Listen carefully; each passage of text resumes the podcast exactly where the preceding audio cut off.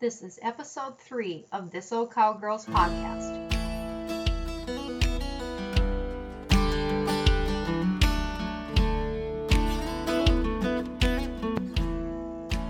Welcome to episode three of This Old Cowgirl. Uh, my name is Brenda. How's your week been?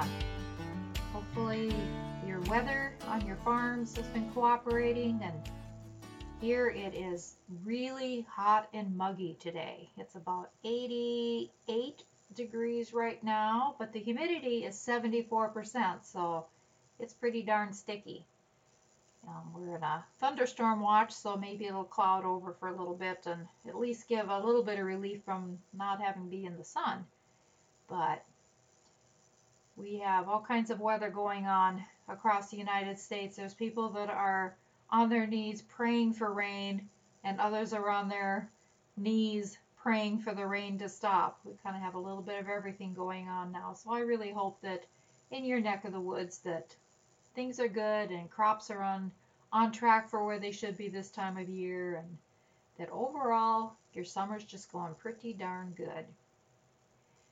So today I want to talk about a kind of an interesting little tiny small piece of wood on our on our farm. I was out walking across the soybeans and to get over to this corner of the woods and I got a picture. You can go over to the website at thisoldcowgirl.com slash episode 003 and you'll see a picture of what I'm talking about.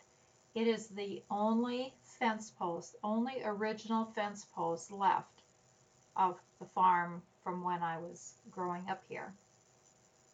The um, when Dad retired and sold off the majority of the um, tillable acreage, he pulled all of the fencing that had previously been for cattle, and this one post is remaining.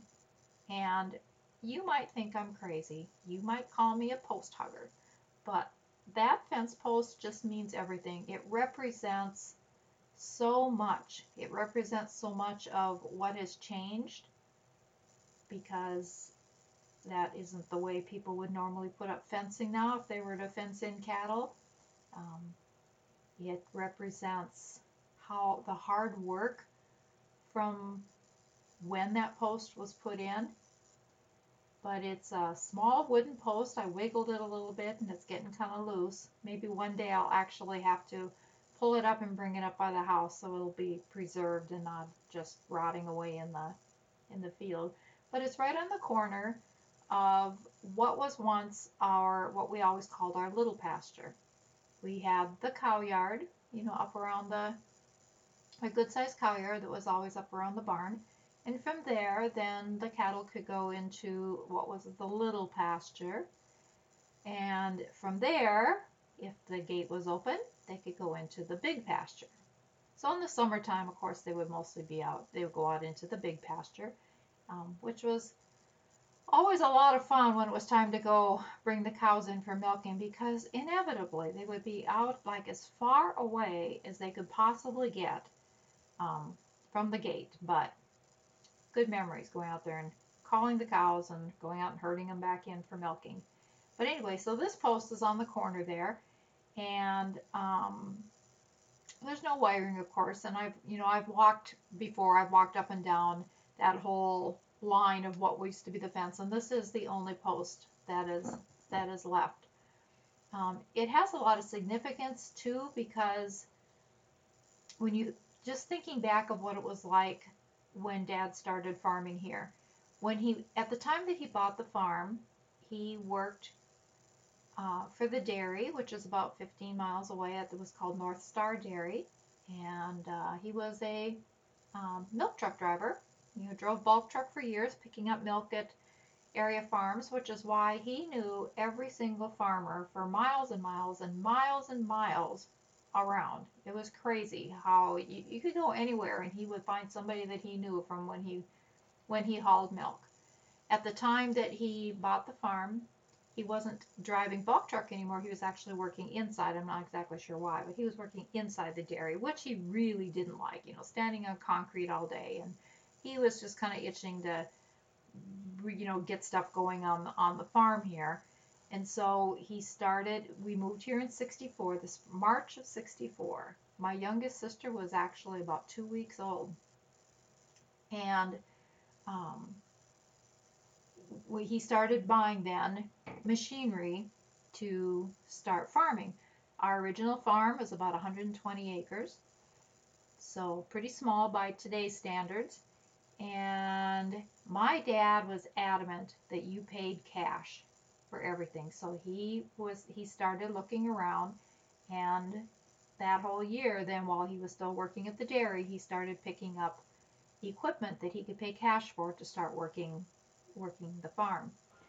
Mostly bought in case a neighbor had something for sale, but probably hit a lot of farm auctions to be able to pick up machinery that would work and was at a reasonable price that he could just pay cash for. I believe one was an Allis Chalmers and the other one was a Case. Um, we did have both an A and a B John Deere, but I think both of those actually came after the Allis, for sure came after the Allis Chalmers. Um, remember those old tractors and you'd have to go and like spin the, the big flywheel to get them started and it would just take a few cranks, you know, and then you'd hear that that signature put put put put of the old John Deere. But anyway, those came later. So he bought a couple of old tractors. Um, he bought a disc, a drag, and a two bottom plow. Can you imagine now when you look at the huge, huge pieces of equipment that are out that anybody would would go out with a two bottom plow. But he had a two bottom plow. He had an old four section spring tooth digger, um, a mower, a rake, and a hay loader. We did not have a baler at the time when we um, started here haying. We put up loose hay in the barn, which is something else you just don't ever hear of anybody putting up loose hay anymore. And I don't remember, it wasn't too terribly many years that we put up loose hay before um, we were able to get a, a baler and we put up the small square bales, which then of course we got an elevator to go into the hay mow, and, but we didn't use. But to begin with, we put up the loose hay. Um, when another thing I was going to mention is when we started out with cows, which we had 16 cows, um, there was no barn cleaner. Dad cleaned the barn with a wheelbarrow, wheelbarrow, and um, eventually, when we got him a nurse spreader, then he would you know, we could he would use the wheelbarrow and run it up a, like a ramp, wood boards up and dump it into the into the um, manure spreader. But I believe he just piled it all in the cow yard, and then I probably borrowed a, manure spreader from a neighbor to to spread in the field. But that's how he cleaned barn. So it's an awful lot of work. But back to the fencing.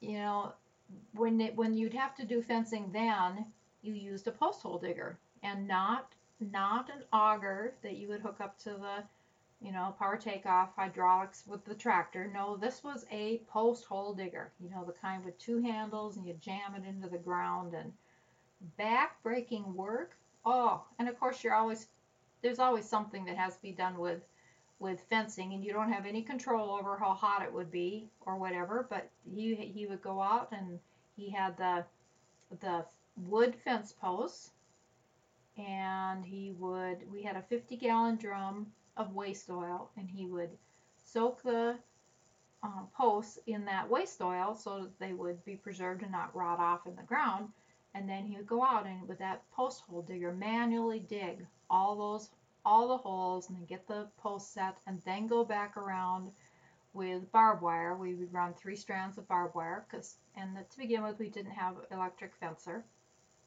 So it was three rows of um, barbed wire to keep the keep the cattle in. So um, there is one other. I can't say it's a fence post, but it on one of the buildings that Dad built here. Uh, one of the first things that he had put up was a pole barn, a small pole barn for cattle, but mostly for the young stock to have some protection in the winter if they wanted to go in. And there is a post there, which was actually part of the, the fence. You know how you'd have the post with the wires, the barbed wire that had run to it, and then you would bring it over to the fence post and put it in the bottom loop, push it up, and pull the other loop over. I'm doing it with my hands in case you don't know what I'm talking about, but you know what kind of a what kind of a gate I'm talking about. That's just barbed wire with a post at the end that connects to the other post. And there is one of those posts that was originally to the gate that's um, hooked onto the pole barn, but it's it's not a fence post, so a little bit little bit different. But anyway, it's little things like that on the farm that anybody else that were to come here, they would probably tear that out. They would probably not even recognize it, what it is, the significance of how important that is and what blood, sweat, and tears those that fence post represents for on this on the farm, and the hard labor that went into to just putting up a fence. One of those things you just kind of take for granted now. You don't because machinery does it. You know, you go out and, and it doesn't take any time at all, and you've got a, a hole dug to put your fence in. And of course, later when we started having electric fence, it was a lot easier putting the T posts in because you could just take the uh, fence post driver that I'm sure you've seen them. It's kind of like a pipe that's a heavy pipe that's enclosed at the top with handles on the side, and you would just use that to drive the post into the ground. Again, much easier done by machinery, but that worked out worked out faster than putting the wood fence posts in for sure. Just wanted to spend a little time today, I guess, talking about what a difference um, how farming was in my lifetime, not even my whole lifetime, how much it has changed. Um, with the the small equipment that was used, and something else was the fact that you didn't go to the bank and borrow money. I remember one time, this was a few many years later, um, our manure spreader had broke, and my dad had a chance to buy one from a neighbor. And he went into the bank to borrow the money, very short term, because you know he was very much dead set against having any debt.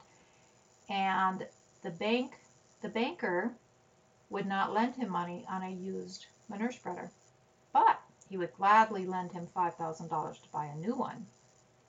And my dad was so mad he said, Why would I want to go into debt $5,000 for a new one when I can borrow way, way less money and go buy this one that is a perfectly good, usable, good condition one? And the banker would not budge. And my dad felt so strongly about how that was so wrong that he pulled his money out of that bank and went to another bank.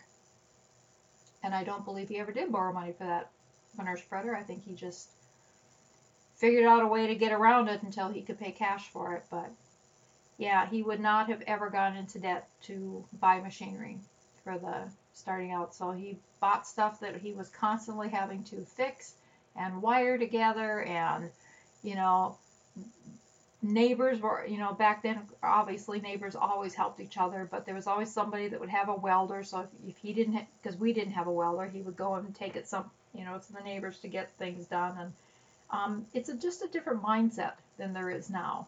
And it's things aren't fast. You don't like go into farming expecting that you're going to have what your dad took years and years and years to build up. And now a young couple starting out, the chances of starting out with no debt and continuing no debt, yeah, it's pretty pretty minimal. Um, you know, you just wouldn't be able to start out paying cash for all of your equipment, but Anyway, um, if you haven't done your June challenge and gotten some stories from somebody, I would encourage you to really think about maybe something that we talked about today, like the price. I wish I had the prices that my dad paid for some of that equipment. I'm sure it was not very much. He probably was going to farm auctions and picking stuff up. But, you know, something like have you thought about that people back then started out plowing with a two bottom plow? You know, and I remember our mower, it was a small, small little mower. And just how many hours it took to work a field with a much smaller uh, thing. And then back then, we, we didn't do no-till. So, of course, you'd plow it and then you'd have to, you know, disc and all that stuff. So, um, maybe put some stories. I would really encourage you to do that in honor of Father's Day. And, and you might find out something that you had no idea and something that will make you appreciate what you have now, understanding the hard work that went ahead of you um, and how things were done back in the old day. And I would encourage you that if you've got any old fence posts on your place, just go give them a hug. Give them a little love talk to you next week.